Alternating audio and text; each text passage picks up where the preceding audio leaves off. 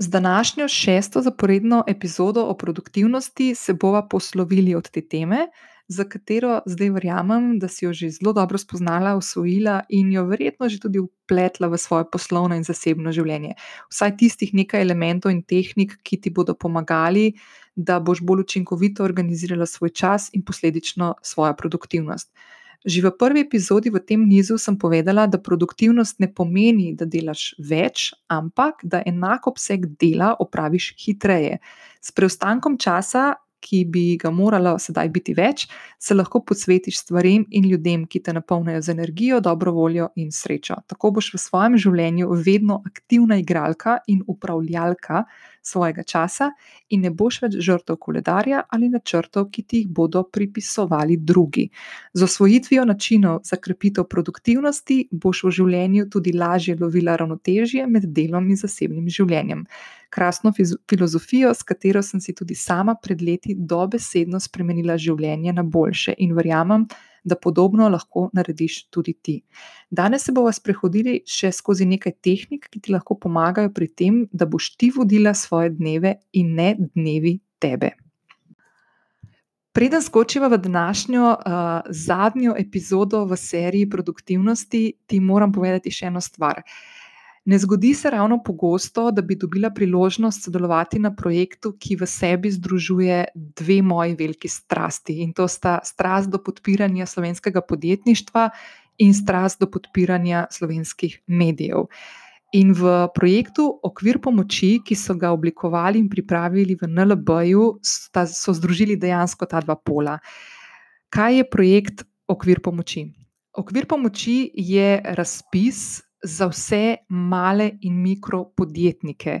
To pomeni, da je odprt tudi za samostojne podjetnice, za lastnice malih in mikro podjetij, ki v nekem lokalnem okolju a, gradijo a, podjetniško zgodbo z odtisom. To pomeni, da naprimer, če imaš cvetličarno, ekokemp, turistično kmetijo, si pridelovalka zelenjave, zelenjave ali sadja, a, imaš frizerski ali kozmetični salon, karkoli takega, kjer se srečuješ s strankami in ponujaš neke svoje storitve ali izdelke, je razpis okvir pomoči kot nalašč zate. Zdaj, razpis okvir pomoči je odprt še do ponedeljka 1.6. Zato, če te to zanima in bi rada sodelovala v tem projektu, ti svetujem, da se res čim prej prijaviš na njega. Kaj dobiš pri um, projektu, uh, če se nam prijaviš in si na koncu tudi izbrana? Poleg številnih uh, ugodnosti in storitev, ki jih NLB ponuja svojim strankam, kot je naprimer brezplačno namestitev klasičnega postterminala in 12-mesečno brezplačno najmnino na klasičen postterminal, uh, potem še poslovno kartico Mastercard s polovično članarino za prvo leto dobiš, je tista stvar, ki je po mojem mnenju najbolj privlačna to, da bo NLB v letošnjem poletju ponudil malim in mikropodjetnikom in samostojnim podjetnicam oglasni prostor. Tvoja podjetniška zgodba se lahko znajde na oglasu na PopTV-ju, kanalu A ali pa Briju. Lahko jo bomo spremljali na velikih obcestnih plakatih širom Slovenije, na spletnih straneh, na oglasih na družabnih omrežjih in v lokalnih tiskanih medijih, ki delujejo na področju, kjer živiš in posluješ svojo podjetniško zgodbo. In jaz sem blazno vesela in ponosna, da bom celo poletje bdela tudi jaz nad temi zgodbami, ki se, bo, ki se bodo prijavile na okvir pomoči in zgodbe vključevala tudi v podcast, na spletno stran, v obliki intervjujev, člankov in v, na svoje družabno omrežje. Jaz mislim, da si vsaka podjetniška zgodba zasluži dodaten vir žarometov, sploh v času, ko se ukvarjamo s tem, da naše gospodarstvo, naše, naše podjetništvo in tudi slovenske medije ponovno zaženemo, da tečejo po svoji progi, uh, zdaj, ko se počasi umirja prvi del uh, boja z koronavirusom in se začenja tisti drugi, ko bomo bdeli nad tem, da bomo s čim manj ranami v navednicah prišli iz te pandemije. Tako da, če te zanima okvir pomoči, če misliš, da imaš zgodbo, ki bi jo želela predstaviti širši slovenski publiki in z njo tudi prek oglasov na najbolj gledanih uh, televizijskih kanalih in ostalih medijskih uh, prostorih, da bi rada prišla v vsak slovenski dom praktično. potem skoči na zapis te epizode, kjer te čaka tudi povezava do razpisa okvir pomoči na NLB-ju. Časa imaš res samo še nekaj dni, tako da ti predlagam in priporočam, da se prijaviš, kolikor je ta zadeva takšna, ki te zanima. In potem se beremo in poslušamo skozi poletje. Pa skočiva v današnjo epizodo. Prva od tehnik, ki jo bomo danes pogledali, je Paretov princip ali pravilo 80-20. To je močan analitičen okvir za razumevanje naporov in rezultatov tvojih aktivnosti in dela. Paretovo načelo pravi, da je v vseh okoliščinah nekako 20 odstotkov dela odgovornega za 80 odstotkov rezultata. Če torej poenostaviva, ko postavljaš svoje prioritete na seznam nalog, se osredotočiš na tistih 20 odstotkov nalog ali pa projektov, ki najbolj vplivajo na tvoje prednostne cilje. Leta 1906 je italijanski ekonomist Wilfredo Pareto ugotovil, da je 80 odstotkov italijanskega ozemlja v lasti 20 odstotkov ljudi. Postal je obseden s tem razmerjem in ga je skušal vključiti v vsa svoja razmišljanja in raziskave. Tako je, na primer, posadil grah, ga opazoval, opazoval je 80 odstotkov posejanih sadik, sadik graha in je ugotovil, da jih je uskalilo samo 20 odstotkov. Kako lahko tudi ti prepoznaš in upelješ paretov princip v svoje življenje in delo? Lep primer je, naprimer, spoznanje, da večji del naloge narediš v prvih 80 odstotkih časa, ki ga imaš na voljo, naprimer do roka oddaje. Tukaj doma tisto spoznanje, da je dobro vsak dan začeti z najbolj težko nalogo dneva, ki je na tvoji listi nalog, saj je možnost, da jo boš naredila hitro in do konca najvišja. Ko upravljaš s svojimi projekti, preveri, če velja pri njih pravilo 80-20 ali da v 80 odstotkih težav prihaja 20 odstotkov ponavljajočih se projektov. Tukaj se lahko potem odločiš, če lahko kakšen projekt spremeniš ali pa celo opustiš. Če, na primer, vodiš skupino ljudi, lahko pravilo 80-20 preverjaš s tem, ali velja, da 80 odstotkov dela ekipe opravi 20 odstotkov članov te ekipe. Tudi tukaj lahko je potem pomembno, kako postavljaš neke člane ekipe, če vodiš več različnih ekip v svojem podjetju.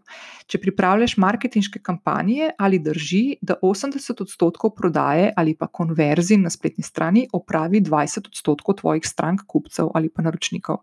Ali pa, naprimer, ali 80 odstotkov prodaje naredi 20 odstotkov tvojih storitev ali izdelkov, če imaš, naprimer, spletno ali pa fizično trgovino, kar pomeni, da lahko pogledaš, kateri so tisti najbolj prodajeni izdelki in njim nameniš več časa, energije in proračuna za, naprimer, oglaševanje. Kako lahko z uporabo paretovega principa izboljšaš svoje poslovanje? No, ali pa svoj čas in energijo, ki jo usmerjaš v delo. S paretovim principom lahko zvišaš svojo produktivnost, saj spoznaš področja, na katerih se je smiselno osredotočiti in v njih uložiti svoj čas in energijo, ter opuščanje tistih, ki ne vodijo do tistih rezultatov, ki si jih postavila. Tako lahko dvigneš dobičkonosnost, saj veš, kateri del izdelka ali storitev se prodaja bolje in kateri se ne, in temu primerno se pripravi, pripravi tudi nova strategija prodaje, marketinga in komunikacije. Pomagati lahko tudi pri optimizaciji spletne strani, ker veš, kje se obiskovalci zadržujejo pri pripravi vsebin za spletno stran in novice ali pa objave na tvojih družabnih omrežjih izboljšaš lahko komunikacijo s svojimi strankami, če imaš v mislih, da 80 odstotkov reklamacij dobiš od 20 odstotkov ljudi, oziroma 20 odstotkov enakih ponavljajočih se pripomb, ter pomaga pri prepoznavanju in odpravljanju težav. Druga tehnika je tista, ki smo jo že spoznali, in to je, da vse opravke zabeležiš v koledar ali pa med naloge. Razliko med nalogami in upravki smo spoznali v 25. epizodi, ko smo govorili o nalogah, in 26. epizodi, ko smo govorili o upravljanju s koledarjem. Opravki so vezani na točno določen termin, ki je nekako opredeljen z urama, od do, naprimer, sestanek. Te vedno zabeležiš v svoj koledar. Naloge niso nujno vezane na termin, ki obstaja od in do, ampak lahko ima, naprimer, termin roka oddaje ali pa neke priprave. Naloge zapisuješ v eno od spletnih ali pa mobilnih aplikacij. Jaz sem že pred, v tistih prejšnjih epizodah omenila, da to so lahko Asana, Trello, Slack, Todoist, Notion. Pri tem lahko uporabljaš sistem veder ali stebrov, ki so pomembni pri tvojem delu, naprimer po naročnikih, projektih, predmetih, če si študentka ali dijakinja. Podoben sistem uporabljaš tudi pri upravljanju z digitalnimi dokumenti, o čemer sva že govorili v sedemindvajseti epizodi. Naslednja, tretja tehnika, ki ti lahko pomaga s produktivnostjo in je tudi ena, ki sva jo že omenili, je, da najtežjo nalogo dneva narediš takoj zjutraj. Angleži temu rečejo eat the frog. Zakaj je to pomembno, sem ti zaupala v štiriindvajseti in petindvajseti epizodi, ko sva govorili o nalogah. S tem lahko pokljukaš en velik del dnevnih zadolžitev in enostavneje ugrizneš v tiste ostale, ki te še čakajo na tvoji listi nalog. Četrta tehnika je, da se osredotočiš samo in le na eno stvar. Multitasking ni vrlina. Multitasking je zapravljanje časa, ker z njim ne prideš daleč na dolgi rok. Pri multitaskanju se lotiš več nalog naenkrat, pogosto so te naloge med seboj zelo različne, in nobene ne opraviš dovolj dobro, oziroma tako dobro, kot bi ti dejansko te naloge lahko opravila, če bi si vzela čas in se na njih osredotočila eno po eno. V svetu nenehne informacijske preobremenjenosti je osredotočenost postala veščina in vrlina. In globok premislek ob delu je postal neprecenljiv in postavljanje ob bok opravilom najsposobnejših ljudi. Kdorkoli še vedno razmišlja, da je multitasking super stvar, je po mojem skromnem mnenju napačnega mnenja. Žal. Dejansko se to na dolgi rok ful ne, ne izide. Jaz lahko povem za sebe, da sem bila, da sem na, na velik zvon obešala to, da znam multitaskati. In ženske smo v tem sicer blazno dobre, ampak to ne pomeni, da če znaš multitaskati, da stvari upraviš dejansko dobro. Globoko, globoko in na svoji koži sem to spoznala na zelo, zelo um, krvav način v določenih primerih in zelo, zelo težek način, da multitasking dejansko meni križa na črte. Da jaz sem veliko bolj sposobna določene stvari narediti, če si vzamem čas in se dejansko osredotočim na posamezno nalogo, ki jo moram upraviti.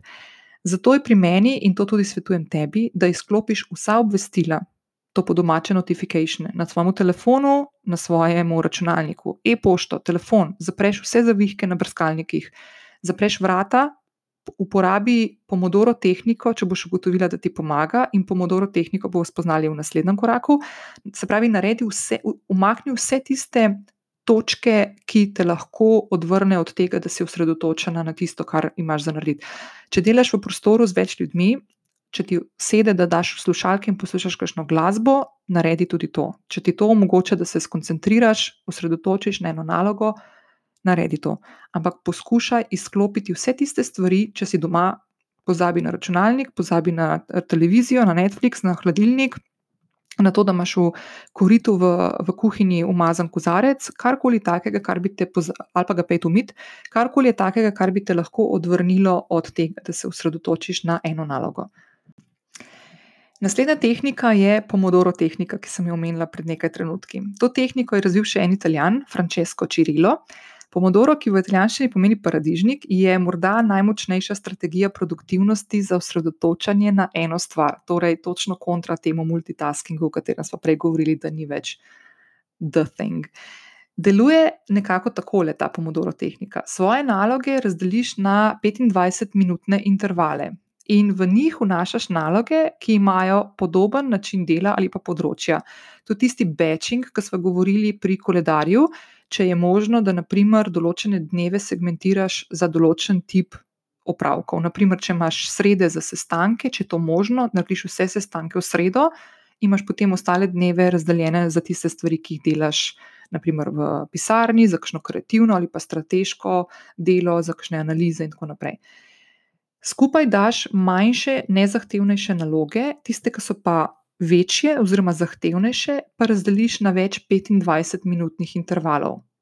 Potem ugasneš vse lovilce pozornosti, ki smo jih prej že omenili, in nastaviš alarm na 25 minut. Ko zaključiš en interval, si vzameš 5 minut odmora, na to pa nadaljuješ z drugim intervalom, ki je spet dolg 25 minut. Jaz sem pred kratkim začela testirati ta princip in mi je dejansko res všeč in funkcionira meni. Tako da jaz ga bom vredno uh, uporabljala tudi vnaprej. Za alarm uporabljam kuharsko uro za odštevanje, uh, zato ker moj telefon je v, na drugem koncu stanovanja potiho, da me ne moti. In v tistih petih minutah pauze se jaz, na primer, ponavadi sprehodim po stanovanju ali pa skočim na teraso, si naredim mogoče mačo, grem na WC naredim nekaj takega, kar, naprimer, da malo se pretegnem, rečem, temu, preden grem in nadaljujem z naslednjim intervalom, ki bo dolg 25 minut. Pomodoro tehnika je ena tako enostavna metodologija upravljanja s tvojim časom, ki te obenem uči še enih par stvari, ki so tudi pomembne v življenju. In sicer boljše boš razumela in postavila vrednost svojega časa. In čas je najbolj pomembna valuta, ki jo imaš v svojem življenju, in edina valuta, ki je ne moreš dobiti nazaj, ko jo enkrat zapraviš. Denar, če ga zgubiš, zapraviš, ga lahko prislužiš nazaj. Vse ostale stvari v življenju tudi časa ne dobiš nazaj. In je blazno pomembno, da se tega zavedaš in da ceniš svoj čas in tudi čas drugih. Naslednja stvar, ki ti bo pomagala, jo tudi pomodoro tehnika uh, naučiti, je, da boš bolje upravljala s svojim časom. Potem boš uh, lahko tudi se naučila, kako izboljšaš kakovost in količino upravljenega dela, kaj lahko narediš bolje, da boš lažje upravljala s pričakovanji drugih ljudi in svojimi pričakovanji. Naučila te bo, kako uveljaviš svojo voljo in motiviranost, da deluje zate, kako se naučiš boriti z uro, da, ne, da nisi več žrtev časa, in naučila te bo odličnega načina za spopadanje s potencijalno potjo proti izgorelosti. Naslednja tehnika, ki sem jo danes že omenila, je, da podobne naloge in upravke postaviš skupaj. Uh, več o tem smo govorili v 26. epizodi, ko smo se pogovarjali o tem, kako svoj koledar organizirati po podobnih opravkih in ga s tem sprostiti. Naprimer, primer. Vsak ponedeljek med 9 in 10 uro se bom lotila osebnih financ. Sem sodi plačevanje vseh računov, preverjanje stanja na računu, preverjanje kreditne kartice, spremljanje porabe, priprava načrta za nakup hrane, ki bo skladen z nekim proračunom, in tako naprej. Lahko je v istem času, naprimer, če si v službi takrat, da boš v tem času odgovarjala na vsa sporočila, ki so se nabrala čez vikend. Tako bo šla, naprimer, čez svojo e-pošto, čez sporočila na WhatsAppu, Instagram, zasebnih sporočilih, Facebook Messengerju, LinkedInu, Viberju, karkoli pač uporabljaš. Se pravi, da narediš neko, uh, nek čas, časo, nek časovni okvir, ko se lotiš podobnih opravkov naenkrat, da te stvari pokljukaš in imaš narejene. Naslednja stvar je, da uporabljaš produktivnostne aplikacije, ki jim zaupaš. Uh, koledar za upravke, ki je poenoten in posinkan na tvojem računalniku in telefonu, za naloge lahko uporabljaš Asano, Slack, Notion, Trello, tisto, kar ti najbolj odgovarja. Za digitalne dokumente lahko jih shranjuješ na Dropboxu, Google Driveu, kjerkoli drugje, ki ti sede. Za Gmail avtomatizacijo pravil porabiš, narediš znake, mape, v glavnem uporabljaš tiste sisteme in aplikacije, ki ti omogočajo, da boš določene stvari lahko delala hitreje, bolj pregledno in nekako po svoji tisti logiki, ki ti, ki ti bo najbolj všeč. Še ena stvar, ki je pomembna, je, da ugotoviš pri sebi, kdaj v dnevu si najbolj produktivna. Vsi ljudje nismo enaki. Nekateri smo jutranje ptice, drugi smo taki, da delamo raje zvečer. Tako da se poskušaj, če se le da in če ti, tvoj, če ti tvoje delo in življenje to omogočata, se poskušaj prilagoditi svojemu naravnemu ritmu. Še ena pomembna stvar pri delu in produktivnosti je, tudi danes že omenjena, da odstraniš vse lovilce pozornosti.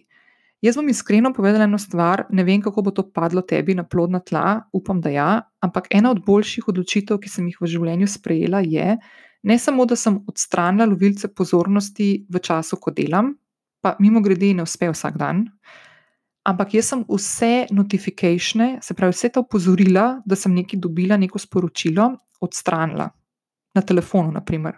Edino, če imam klic ali pa SMS sporočilo, mi za cingljač imam seveda telefon prižgan na, na glasno. Vse ostale stvari na Appleovem iPhonu, tiste rdeče krokce, jih jaz ne dobim. Nikoli. Zato, ker mi je to enostavno dvigovalo uh, ne samo tesnobo, ampak predvsem to, da sem šla dejansko pogledat, kaj sem dobila. Tako da, če je možno, to odstrani. Če je možno, ko delaš, delaj in se poskušaj izogniti ostalim rečem, na katerih ful hitro lahko zgubiš ogromno časa. Če to epizodo poslušaš v realnem času, se pravi, da je zdaj mesec maj 2020, potem je, se še vedno spomniš, da smo še nedolgo nazaj bili v samo karanteni, oziroma verjetno smo še zdaj, jaz to snemam malo naprej. In verjetno si tudi ti bila med tistimi, kot sem naprimer tudi jaz, ki smo na novo odkrili TikTok in izgubljali ne vem koliko časa, ko smo se smejali in gledali tiste videe, ki so se tam nalagali. To so stvari, ki so sicer ok, pa nič narobe z njimi, ampak ko enkrat padeš v delo, je prav, da si dovoliš, da padeš v delo. Ko boš enkrat, ko te bo enkrat zapeljala neka naloga, ki jo delaš, je najbolj grozna stvar, ki se ti lahko naredi, da se ti prižge nek opomnik, da je na TikToku nekdo, ki ga spremljaš, objavil nov video ki ga lahko mimo grede pogledaš tudi zvečer ali pa en dan kasneje. Tako da res je ful pomembno, da odstraniš vse neke te lovilce pozornosti, ki lahko ti ukradajo dragocen čas, ko bi lahko se osredotočila na stvari, ki jih delaš in jih naredila hitro, dobro, učinkovito in v res, res, res kratkem času.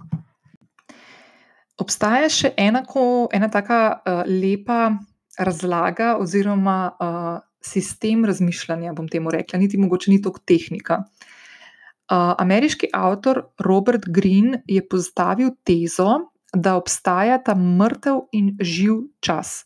Mrtev čas je tisti, ko naprimer sediš in čakaš, da se stvari zgodijo. In živ čas je tisti, ko imaš stvari pod nadzorom in ti aktivno upravljaš svojo realnostjo. In zdaj, tako mimo grede, lahko tudi čas, ko si neproduktivna za določeno delo, in to mislim, da smo izkusili vsi, sploh v zadnjem času, bi bil lahko ta mrtev čas, naprimer, ko smo bili doma, ko nismo delali, ko nismo mogli delati, da ta čas, namesto da naprimer, gledaš neke brezvezne nadaljevanke na Netflixu, to je zdaj upomnik tudi za mene, izkoristiš za naprimer, osebno rast ali pa neko novo znanje. Lahko pogledaš nek spletni tečaj na Skillshare, prebereš kakšno knjigo, ki imaš na nočni umarci že en mesec, pa sem eva vedno se lahko sama odločiš, kako boš zapravljala ali pa upravljala s svojim časom. Naslednja tehnika, o kateri smo ogromno že govorili in vpliva tudi na produktivnost, je, da si postaviš, če še nimaš, jutranjo rutino. Če svoje rutine še nimaš in ne veš, kako to narediti, te vabim, da skočiš na osmo epizodo tega podcasta, mimo grede, še vedno daleč najbolj poslušana epizoda na tem planetu, mislim, ne pri, tem, pri meni, in kaže na to, da je jutranja rutina ena od tistih tem, ki vas res zanima. Dobra jutranja rutina, ki bo delovala zate, se bo poznala tudi na tvoji osredotočenosti na delo in posledično na tvoji produktivnosti. Kako se staviš takšno, da bo delala zate, skoči na epizodo 8 in preveri, ker tudi jaz ti razložim tudi v drugem delu tiste epizode mojo jutranjo rutino, ki jo mimo grede lahko dobiš tudi v PDF obliki, če se prijaviš na moje enovičke, če še nisi, drugače si jo že dobila. Tudi imaš spodaj v opisu te epizode povezavo. Uh, ampak gre za to, da je fino, da razumeš koncept, na kakšen način je smiselno oblikovati jutranjo rutino, da bo res delala zate. Eno je, da ti povem svojo jutranjo rutino in jo ti kopiraš, in ni nujno, da bo tebi, oziroma zelo, zelo velika verjetnost je, da tebi ne bo funkcionirala na enak način kot meni. Zato, ker sem si jo jaz sestavljala na podlagi, na podlagi mojega.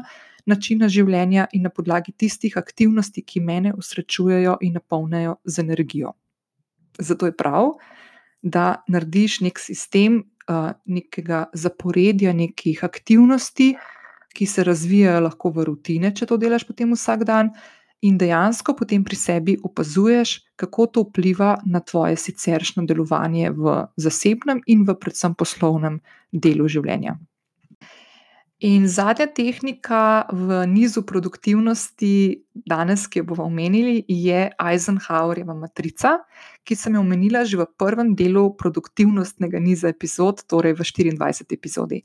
Ta matrica ti pomaga postaviti prioritete med nalogami in opravki, ki te še čakajo, in sestaviš jo na podlagi opredelitve, kaj je pomembno oziroma nepomembno, ter kaj je nujno oziroma kaj je ne nujno. To matrico sprejemanja odločitev je postavil 34. predsednik Združenih držav Amerike Dwight Eisenhower, ki je predsedoval med letoma 1953 in 1961. Preden je postal predsednik ZDA, je bil eden od vodilnih generalov v ameriški vojski in je vodil ameriške zavezniške sile med drugo svetovno vojno.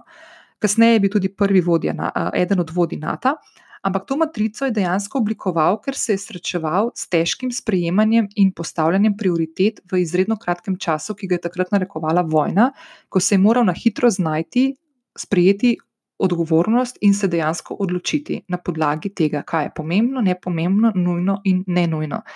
To matrico lahko uporabiš, da postaviš pravilno zaporedje nalog in opravkov, torej najprej tiste najpomembnejše in najbolj nujne in da te naloge postaviš v svoj urnik oziroma koledar po vrsti od najbolj pomembnih do ne tako pomembnih, oziroma od najbolj nujnih do tistih, ki niso nujne, oziroma ki jih lahko opustiš. Obenem ti ta matrica pomaga tudi pri delegiranju nalog drugim in spoznanju, kaj ni pomembno in kaj lahko enostavno spustiš, zbrišeš in tako naprej. Zdaj, na tej uh, povezavi v zapisu epizode, ki te čaka spodaj, uh, bom dodala še en kup enih knjig na temo produktivnosti, ki so res krasne in iz katerih sem tudi jaz, ko sem se pripravljala na te epizode, črpala ogromno, ogromno ene vsebine. Tako da te vabim, da skočiš tudi na spodnjo povezavo do zapisa te epizode, uh, ninagaspari.com/slash epizoda 29 vedno lahko tudi vsako epizodo poslušaš prek spletnega mesta. Tako da tudi to lahko povem, če slučajno imaš kakšnega človeka, ki ga poznaš, pa nima mobilnih aplikacij za podkaste, se vse epizode podcasta Lovim ravnotežje lahko posluša tudi prek moje spletne strani. In zdaj te samo še vabim, da oceniš, se naročiš na ta podcast, če se še nisi, oddaš mogoče kakšno mnenje, lahko mi ga pošlješ tudi na Instagram zasebno sporočilo, sem jih vedno blazno vesela. In preostane mi samo še to, da se ti zahvalim. Šest epizod o produktivnosti je za nami. Jaz mislim, če ocenjujem po sebi, jaz sem blazno, blazno vesela, da sem ugriznila v to temo, ker dejansko vidim, da mi ful pomaga in sem določene stvari tudi pri svojem načinu dela že popravila in izboljšala in upeljala neke nove tehnike, predvsem ta pomodoro tehnika mi je totalno nora in mi ful dobro dela. In enostavno upam, no, da si tudi ti kaj odnesla od tega, da ti bo kakšna stvar prišla prav, kakšno novo znanje in spoznanje. Tako da mi lahko sporočiš, kako se ti zdi, če si kakšno stvar že upeljala, katera je bila tista tehnika, ki ti je pomagala, katera je bila tista, ki se je mogoče izkazala, da ti totalno ne pride prav, zato ker se ti je zgodilo kakšna taka stvar, ki si ugotovila, da mogoče pa bolje, če delaš po tistem sistemu, kot si ga že poznala. Tako da vedno sem vesela do takih sporočil. Lepo se imej, jaz ti želim en krasen petek en lep vikend in se slišiva prihodnji teden. Čau, čau!